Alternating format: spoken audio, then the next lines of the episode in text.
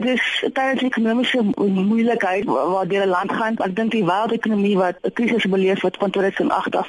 En ek dink regse partye het begin steen kry met die wyse waarop hulle hierdie tipe situasies hanteer. Dit is veral die nasionale front in Frankryk want hulle het reeds daai tyd begin praat oor immigrasie en dat dit 'n groot rede was vir werkloosheid in Frankryk en dat Franse self moes kompeteer vir werk as gevolg daarvan. Hoe het die party se beeld ook oor die jare verander om ook meer inklusief te wees as mense dalk so kan stel? die profiel van 'n party soos Nasionale Front het begin verander. In die 70s en daai was dit nasionalisties ja, maar jy het baie verreg as skinhead tipe mense daar gekry, wit supremacists soos jy dit sou kan stel.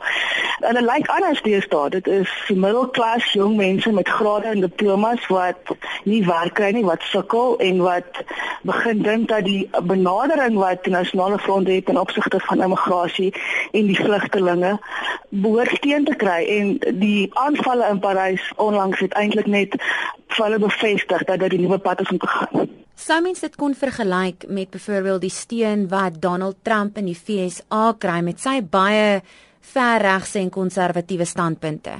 Die probleem met Donald Trump is as jy dit moet vergelyk met die leierskap byvoorbeeld van die nasionale front, daar's is baie jare se ervaring in regse politiek en nasionalistiese politiek en hulle is gegrond in baie navorsing en soos ek sê baie ervaring.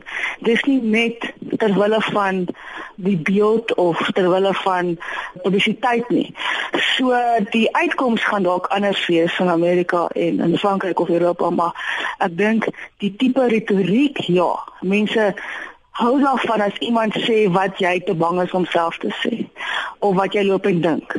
Maar dit lei nie altyd tot stemme by die verkiesing nie. In die afgelope tyd was daar ook baie kritiek teen die huidige Franse president François Hollande oor hoe hy die situasie hanteer het in Sirië en dat hy moes strenger opgetree het en immigrasie gestop het en 'n rits ander kritiek.